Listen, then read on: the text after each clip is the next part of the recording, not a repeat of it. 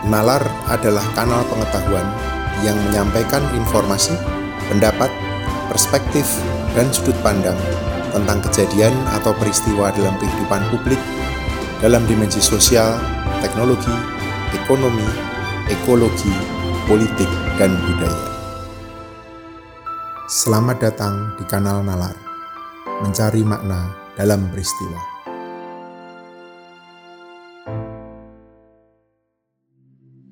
Saudara-saudara, kali ini saya akan menjawab beberapa pertanyaan terkait topik studi lanjut, baik persiapan, pembiayaan, maupun proses dalam studi lanjut tersebut. Pertanyaan atau komentar pertama datang dari dosen Deso lewat YouTube. Saya kebetulan bekerja sebagai dosen dan sementara masih S2. Beberapa minggu lalu semangat untuk melanjutkan S3. Namun beberapa hari ini saya mikir Bapak mungkin bisa memberikan pencerahan, mengembalikan semangat yang hilang. Biaya, waktu, tenaga, pikiran, dan lain-lain untuk S3 layakkah? Terus kalau sudah S3, ngapain? Keuntungannya apa? Berbeda mungkin dengan penjelasan di video. Justru karena saya masih merasa kurang di banyak hal, Pak, S3 hanya akan menguras banyak hal, sehingga saya tidak bisa belajar hal-hal lain. Apakah untuk cara berpikir, mencari asal muasal, mengerti implikasi dan lain-lain seperti yang Bapak sampaikan hanya dapat diperoleh dengan cara S3? Hehehe, tidak juga kan ya Pak? S3 biar bisa ngurus kepangkatan. Nanti bisa jadi profesor. Lalu kalau sudah jadi profesor, bagaimana? Mohon maaf ya Pak sebelumnya, saya melihat fenomena di sekitar saya. Banyak juga yang sudah profesor tapi justru jadi sombong, merasa dirinya lebih dari di bawahnya, dan lain-lain. Banyak yang profesor, tapi kerjanya juga tidak jauh lebih baik. Attitude-nya juga banyak yang kurang baik. Apakah kalau S3 lalu finansial akan membaik? Enggak juga. Cara pikir jadi lebih baik? Belum tentu juga. Nah, alasan kenapa harus S3 ini Pak yang hilang dalam pikiran saya. Mohon pencerahannya Pak untuk saya yang sedang tersesat ini. Terima kasih, sehat selalu. Mas atau Mbak dosen Deso. Uh, terima kasih atas pertanyaan dan komentar yang cukup panjang ini. Begini, saya sudah sampaikan di dalam tiga episode tersebut bahwa belajar lebih lanjut di jenjang S2 atau S3 itu bukan keharusan. Kalau Anda masih ingat, coba Anda lihat tiga episode tersebut, saya tidak pernah mengatakan bahwa seseorang harus mesti S2 atau S3. Tidak. Di bagian pertama justru saya bilang, ayo dipikir, ayo direnungkan, ayo direfleksikan. Masih perlu studi lanjut atau tidak? Jangankan S3, S2 saja belum tentu semua orang perlu. Karena itu saya mau mengkoreksi dari awal bahwa studi lanjut bukanlah keharusan. Tapi apakah Anda merasa butuh atau tidak? Kalau Anda merasa butuh, dikerjakan. Kalau Anda merasa tidak, tidak apa-apa. Karena mengambil studi lanjut S2 atau S3 itu bukan soal baik atau buruk, benar atau salah, bukan. Itu sepenuhnya pilihan. Karena itu, kalau tadi eh, Mas atau Mbak dosen Deso ini bertanya, eh, apakah layak waktu yang dikorbankan, hal-hal lain yang tidak dikerjakan karena S3. Hanya Anda yang bisa menjawab. Kalau Anda seorang dosen, seorang peneliti, biasanya mengambil S2 atau S3, studi lanjut, itu akan berpengaruh. Bukan hanya dalam hal karir, kepangkatan yang naik, tetapi juga di dalam mengembangkan kemampuan Anda sebagai dosen, sebagai peneliti. Bagi saya, itu yang lebih penting. Saya tidak bisa menjawab, Mas atau Mbak, apakah waktu yang hilang, hal-hal lain yang tidak bisa dikerjakan, ini akan uh, bisa dikompensasikan dengan mendapatkan S3. Saya mau bicara sedikit mengenai professorship. Kalau saya tidak pulang ke Indonesia tahun 2012, saya yakin tahun ini atau bahkan tahun kemarin atau dua tahun yang lalu, saya sudah profesor di Inggris. Waktu itu Bidang saya adalah Innovation for Development, inovasi untuk pembangunan. S1 saya teknik industri, S2 saya teknik informatika. S3 saya inovasi. Saya mengambil uh, studi di tingkat pasca sarjana non disertasi mengenai filsafat. Kalau di Indonesia tentu tidak dianggap linier ini. Tapi di Inggris waktu itu saya sudah di tengah-tengah jalan menyiapkan apa yang disebut profesorship saya saat itu. Ketika saya pulang ke Indonesia dan memutuskan untuk menjawab panggilan berkarya di Indonesia, saya tahu satu hal yang mungkin tidak akan pernah saya capai dalam hidup saya adalah menjadi seorang profesor. Karena di Indonesia harus linier. Saya sudah pernah bilang itu kan, S1 teknik mesin, S2 mesin giling, S3 mesin giling jagung, Anda bisa jadi profesor. Jadi saya kira kalau motivasinya untuk menjadi profesor, saya sendiri juga tidak begitu sependapat dengan itu. Tetapi motivasinya haruslah pengembangan diri, pengembangan ilmu.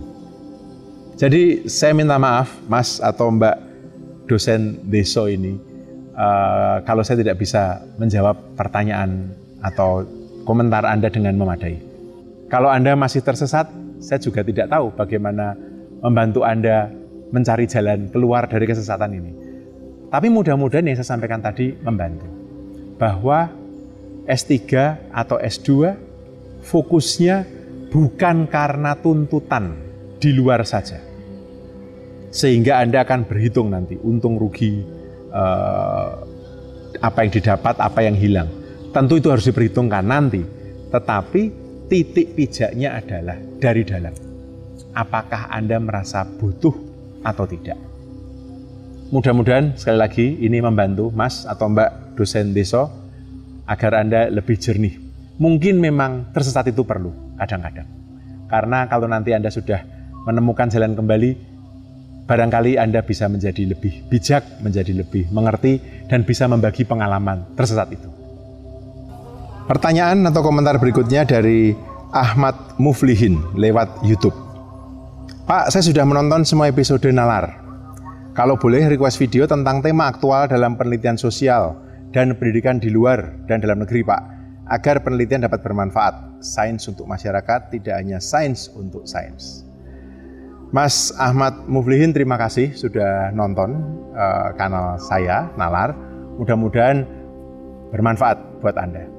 Mengenai pendidikan sudah saya coba uraikan dalam tiga episode ini mengenai penelitian, khususnya topik atau tema aktual dalam penelitian sosial uh, di dalam maupun di luar negeri.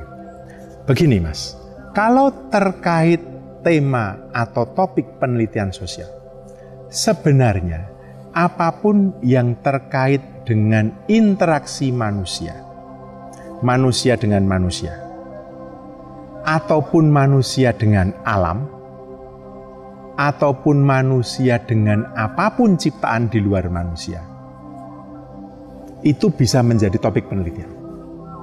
Saya punya teman, seorang profesor di Denmark. Saya ketemu, kenal dia sejak dia S3. S3 yang dia kerjakan meneliti mengenai hantu di Indonesia. Benar, hantu, gendruwo S3, postdoktoral, bahkan profesorshipnya itu terkait dengan hantu. S3-nya dia membuat genealogi hantu. Jadi dia bedakan apa itu gendruwo, apa itu wewe gombel, apa itu pocong, apa itu kuntilana, apa itu tuyul, dan lain-lain. Itu S3. Sampai sekarang profesorshipnya. Tapi dari situ dia masuk ke dalam pertanyaan yang lebih mendasar bagaimana manusia ini sebenarnya terkait dengan alam sekitarnya. Termasuk akhirnya apa? Memahami budaya, memahami politik, memahami berbagai macam kerumitan relasi antar manusia. Jadi, kalau kita yang di Indonesia aja nggak kepikir mengambil S3 tentang hantu, dan teman saya yang orang Denmark ini mengambil S3 tentang hantu, Anda bisa bayangkan, sebenarnya ada banyak topik. Saya cerita ya, tahun 2010, akhir 2010, Merapi meletus. Merapi meletus tahun 2010. Pada bulan Februari, itu peneliti-peneliti asing itu sudah ada di Indonesia. Saya nggak tahu bagaimana mereka sampai ke sini, apakah dengan visa turis atau visa penelitian. Tapi yang jelas mereka sudah berkeliaran di Merapi. Februari 2011. Merapi meletus Oktober, November 2010. Pada bulan April, publikasi internasional pertama tentang letusan Merapi tahun 2010 terbit. Yang menulis siapa? Orang asing. Saya tidak mengatakan bahwa saya anti orang asing. Tidak. Tapi saya menyesalkan mengapa tidak banyak scholar kita, tidak banyak akademisi kita yang mengambil momen-momen seperti ini sebagai sebuah bahan untuk melakukan penelitian. Gunung Merapi meletus, kita dapat abu, kita dapat lahar, kita dapat lava. Peneliti asing itu mendapatkan publikasi. Saya kira ini cara berpikir yang mesti kita perbaiki. Jadi Mas Ahmad, batas gagasan, batas topik apa saja yang bisa diteliti, itu batasnya adalah imajinasi Anda. Apa pun di Republik ini bisa diteliti. Dan menarik. Gitu dulu ya Mas Ahmad ya. Mudah-mudahan Anda sukses menemukan topik yang ingin Anda teliti. Berikutnya, terima kasih Pak Yanuar, videonya sangat informatif. Ditunggu Pak video selanjutnya mengenai studi pasca sarjana, khususnya PhD. Pak, kalau boleh meminta berbagi pengalaman Bapak dalam mencari pembimbing PhD. Terima kasih. Petro, lecture lewat YouTube. Mas Petro, saya kira mengenai PhD sudah saya singgung dalam satu episode. Saya yakin waktu Anda menuliskan ini, mungkin episode berikutnya belum masuk. Tetapi mengenai pengalaman mencari pembimbing PhD. Begini, seperti saya sampaikan di dalam episode sebelumnya, kalau Anda studi S2, maka pilihan kota, negara, universitas itu adalah pilihan yang paling penting. Tetapi untuk S3, pilihan paling penting adalah supervisor, pembimbing. Itu yang lebih menentukan ketimbang pilihan kampusnya di mana, bahkan kotanya di mana atau negaranya di mana. Jadi kalau Anda sudah punya gagasan untuk S3, saya ambil satu contoh ya, misalnya Anda mau mempelajari implikasi sosial dari teknologi informasi. Anda cek, Anda mau dibimbing oleh siapa? Maka Anda cari profesor di bidang itu. Anda buka jurnal, Anda baca jurnal, siapa nama-nama yang mempengaruhi pemikiran di area perubahan sosial atau implikasi sosial dan teknologi informasi. Itu yang jauh lebih menentukan. Jangan hanya mencari satu orang. Anda mencari tiga, empat, bahkan kalau perlu lebih nama. Anggaplah tujuh nama. Kira-kira, oh ini ada di Amerika, oh ini ada di Eropa, ada di Australia. Oke? Anda email yang disebut dengan potential supervisor. Ngemailnya satu per satu. Jangan pernah mengirim email, satu email ditujukan kepada lebih dari satu profesor. Itu jalan tol untuk ditolak. Di dalam email itu, emailnya sangat singkat. Misalnya, nama Anda tadi Mas Petro, ya kan? Anda sebut. Dear Professor, I'm Petro from Indonesia. I hold an MSc in bidang studi S2 Anda. Okay? I'm interested in pursuing doctoral studies in the context of misalnya tadi atau within the topic of social implications of information technology in the society. Misalnya seperti itu. Email Anda. Ringkas, jelas. Tambahin satu dua kalimat penjelas. Tepatnya apa? Misalnya, the extent to which information technology affects identity. Saya ngawur saja, seperti itu misalnya. Lalu Anda sambung dengan I wonder whether you would be interested in supervising such a PhD. Titik. Dalam email pertama, Anda tidak memberikan proposal. Dalam email pertama, Anda apalagi tidak meminta beasiswa. Tidak. Anda melakukan itu, saya jamin nggak akan dijawab email. Anda membuat email itu. Tulis email seperti itu kepada berapa tadi? 5, 7, 10 calon supervisor. Anda menulis email ke 10 profesor dibalas dua atau tiga, itu alhamdulillah mas. Kalau nggak dibalas gimana? Nyoba lagi, cari yang lain. Kalau dibalas dan dia mengatakan, yes Petro, I'm interested. Would you be kind in explaining more? Baru di email kedua, Anda jelaskan lebih detail. Belum proposal, tapi kira-kira Anda kembangkan satu, dua paragraf mengenai rencana penelitian Anda. Dia membalas lagi, berarti dia tertarik kan? Anda bertanya, kalau begitu, apakah saya bisa mengirimkan proposal atau rencana penelitian saya kepada Anda? Itu proses komunikasi. Sampai dia mengatakan, I'm happy at the moment, looking at atau reading your proposals, baru Anda apply. Dan Anda tidak minta beasiswa ke profesor. Anda cari beasiswa dulu. Kalau Anda diterima, tetapi Anda tidak mendapatkan beasiswa, Anda baru bilang ke profesor tersebut, Dear Professor, unfortunately I'm unable to secure my funding for my PhD. Misalnya begitu. Kalau profesor itu tertarik, dia akan mencari cara menawarkan kepada Anda. Kalau belum, ya belum jodoh. Itu yang terjadi pada saya. Saya S2, saya keterima di S3, pembimbing saya tertarik, saya bilang, saya tidak punya full scholarship. In fact, saya tidak punya scholarship at that time. Anda tahu, yang mencarikan saya beasiswa itu pembimbing saya. Sampai saya dapat namanya OSS, Overseas Studentship Scheme, di Manchester. Nggak cukup. Profesor saya bilang pada saya, Januari ada beasiswa, tapi belum cukup. Saya balas dong, lalu gimana dong? Dia balas, kalau begitu nanti kamu saya jadikan asisten saya. Seperti itu Mas Peter. Jadi sekali lagi, jangan ragu, jangan pernah ragu ketika Anda mau memulai PhD. Saya sudah saya bilang kan, kalau Anda punya niat di pursue. Jangan hanya karena khawatir duitnya dari malu Anda tidak pursue. Anda pursue dengan benar. Dan mudah-mudahan ada jalan. Itu ya. Terima kasih.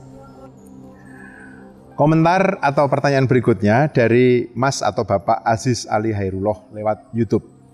Untuk program Magister by Research, apakah tidak perlu memperhatikan supervisor dalam aplikasi beasiswa? Saya rasa penting juga untuk memberi stabilitas dalam memilih fokus. Mas atau Pak Aziz, saya tidak pernah mengatakan tidak penting. Tentu penting.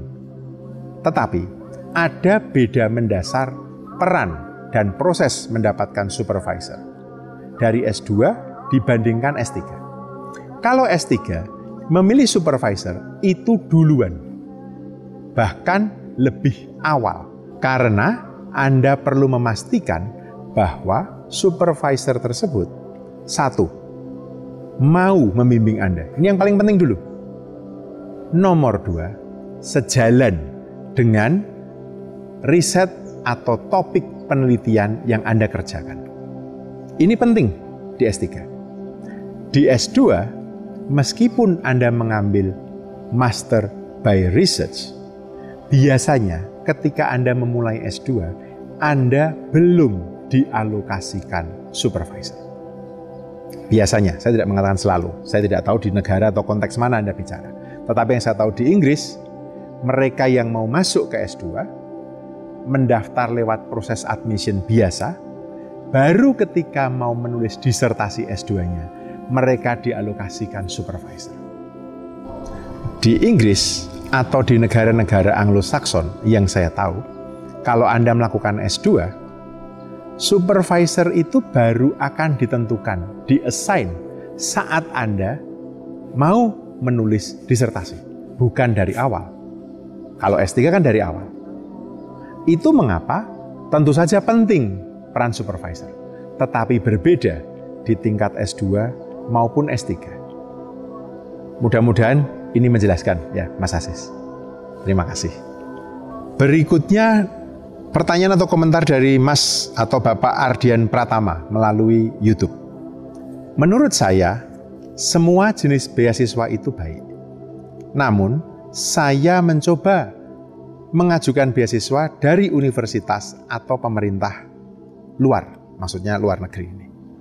Karena BBC Indonesia pernah menayangkan tulisan atau berita seperti ini. seberapa jauh bias agama, moral, dan seksisme dalam aplikasi beasiswa LPDP. Mas Ardian, terima kasih. Dan juga bagi para pemirsa atau para pendengar, saya ingin mengklarifikasi mengenai LPDP. Saya sampaikan kepada Anda sekalian, saat ini saya duduk sebagai anggota Komite Reviewer LPDP. Ada 11 orang Komite Reviewer. Kami bersebelas sebagai anggota Komite Reviewer ini yang memastikan proses wawancara berjalan dengan baik, bahwa Anda diwawancarai dengan baik, bahwa Anda mendapatkan pewawancara yang fair. Jadi, barangkali kalau ada berita tersebut di masa lalu, saya tidak tahu dan saya tidak bisa berkomentar tetapi yang saya yakini semenjak kami duduk sebagai komite reviewer LPDP, kami melakukan apa yang terbaik untuk memastikan proses seleksi penerima beasiswa LPDP itu berjalan dengan baik, dengan fair. Artinya, memang yang terbaiklah yang mendapatkan beasiswa LPDP tersebut. Mengenai beasiswa dalam atau luar negeri, bagi saya, selama itu memenuhi tujuannya, bagi saya tidak jadi masalah. Saya memang kebetulan semua beasiswa saya dari luar. S2 saya, S3 saya semua beasiswa dari luar negeri. Tetapi sekarang saya duduk sebagai komite reviewer di LPDP. Dan sejauh saya tahu, LPDP memberikan besaran beasiswa yang sangat generous. Yang sangat baik menurut saya. Bahkan ketika dibandingkan dengan beasiswa-beasiswa prestise lainnya dari luar negeri. Karena itu sekali lagi jangan ragu untuk mengeplai, untuk melamar, mencari beasiswa LPDP. Satu, itu milik kita sendiri. Itu kebanggaan Indonesia. Anda pun berkontribusi lewat pajak. Kita punya dana abadi pendidikan, itu kita berikan kembali kepada anak-anak muda, pada siapa pun yang mau sekolah lagi. Jangan ragu mengambil LPD. Itu alasan nomor satu tadi, itu kebanggaan Indonesia. Alasan nomor dua, karena LPDP terbuka untuk S2 ataupun S3 dalam maupun luar negeri. Jadi, saya dorong Anda sekalian, bukan hanya Mas Ardian, tapi semua yang lain, kalau punya niat untuk studi lanjut, S2 maupun S3 dalam atau luar negeri, coba dulu ke LPDP. Itu ya, terima kasih. Berikutnya dari Bapak Paraden Sidauruk melalui YouTube. Seorang sarjana, magister, doktor, belum tentu seorang cendekia atau intelektual. Menjadi intelektual tidak ada gunanya kalau ia selalu tidak peduli melihat perkembangan masyarakat yang tidak adil dan ia memihak kepada rakyat kecil yang ditindas, rejim atau kapitalis. Apa pendapat Anda? Pak Paraden yang saya hormati, saya kira saya kembali merujuk pada Antonio Gramsci yang saya sampaikan dalam eh, episode sebelumnya. Menurut Gramsci, ada dua jenis intelektual. Satu, intelektual tradisional. Mereka yang dikenali dari gaya bahasa, tutur kata, pendidikan khas universitas, tetapi juga hidup dalam lingkungan itu. Artinya, steril, tidak terlibat pada apa yang terjadi di dalam masyarakat di mana ia berada. Sedangkan intelektual organik adalah cendekia mereka yang terdidik namun juga terlibat mendalam dalam dinamika sosial masyarakat yang ada di sekitarnya. Terlibat dalam suka duka mereka, bahkan terlibat dalam transformasi yang terjadi dalam masyarakat. Itu yang membedakan kedua jenis intelektual ini. Dua-duanya intelektual, Pak. Maksudnya, Dua-duanya sama-sama terdidik. Bedanya, yang tradisional tadi, pendidikan yang dia dapatkan sampai menjadi seorang intelektual itu tetap ada di dalam dirinya sendiri. Yang kedua, sebagai intelektual organik, pendidikan yang dia dapatkan dia gunakan untuk terlibat, melibati, dan menyediakan diri bersama-sama dengan masyarakat di sekitarnya dan berubah bersama mereka. Itu pendapat saya. Komentar berikutnya dari Mas atau Bapak Ilham Nugroho lewat Twitter. Saya mau sekali Pak untuk sekolah lanjut sangat sedih September 2020 kemarin tidak bisa melanjutkan studi, padahal sudah ada LOE dari University of Edinburgh. Semoga di tahun 2021 peluang-peluang yang lebih baik hadir kembali. Terima kasih atas video Bapak. Terima kasih kembali Mas Ilham dan selamat sudah mendapatkan LOE dari University of Edinburgh. Itu satu universitas yang sangat prestisius di Inggris. Saya tidak tahu apakah Anda berhasil kemarin mendapatkan juga deferral, artinya penundaan masuk. Kalau masih bisa diusahakan dapat deferral, uh, diusahakan mas, agar Anda bisa masuknya nanti menunggu setelah COVID lewat. Ada beberapa orang, ada beberapa menti saya yang juga melakukan hal yang sama. Karena COVID mereka mendapatkan deferral. Tetapi kalaupun tidak, saya setuju dengan Anda. Tetap optimis bahwa ada kesempatan yang akan datang yang lebih baik. Menurut saya, bekal Anda dengan diterima di University of Edinburgh sudah punya letter of acceptance LOE itu adalah bekal yang sangat bagus. Jadi jangan putus asa. Saya yakin tahun 2021 akan membawa hasil yang lebih baik bagi Anda. Catatan berikutnya dari Bapak atau Mas Syahwaludin lewat Twitter. Sudah lama saya tertarik terus ke S2. Kendalanya saya PNS yang bekerja di daerah sehingga terhalang aturan, jarak tempuh, dan waktu kuliah tidak boleh kuliah Sabtu Minggu. Sebenarnya ada perguruan tinggi swasta yang dekat, tapi saya ragu kualitasnya. Karena banyak PNS yang keluaran, artinya lulusan dari sana, hanya sekedar untuk ijazah, bukan kualitas. Mas Yahwaluddin, saya menghormati pendapat dan prinsip Anda bahwa S2 tidak sekedar untuk mendapatkan ijazah. S2 bukan hanya sekedar alat untuk naik pangkat, apalagi Anda PNS. Saya sangat menghormati ini dan sangat menghargai pendapat Mas Syahwaluddin ini. Dan bahkan saya ingin Anda terus berpegang pada pendapat ini. Karena memang S2 dan S3 sekali lagi tujuan utamanya bukanlah untuk naik pangkat, tetapi pengembangan diri. Kalau Anda memang bisa untuk melakukan S2 atau S3 dengan biaya negara atau dari institusi di tempat yang Anda mau, tentu saja ideal.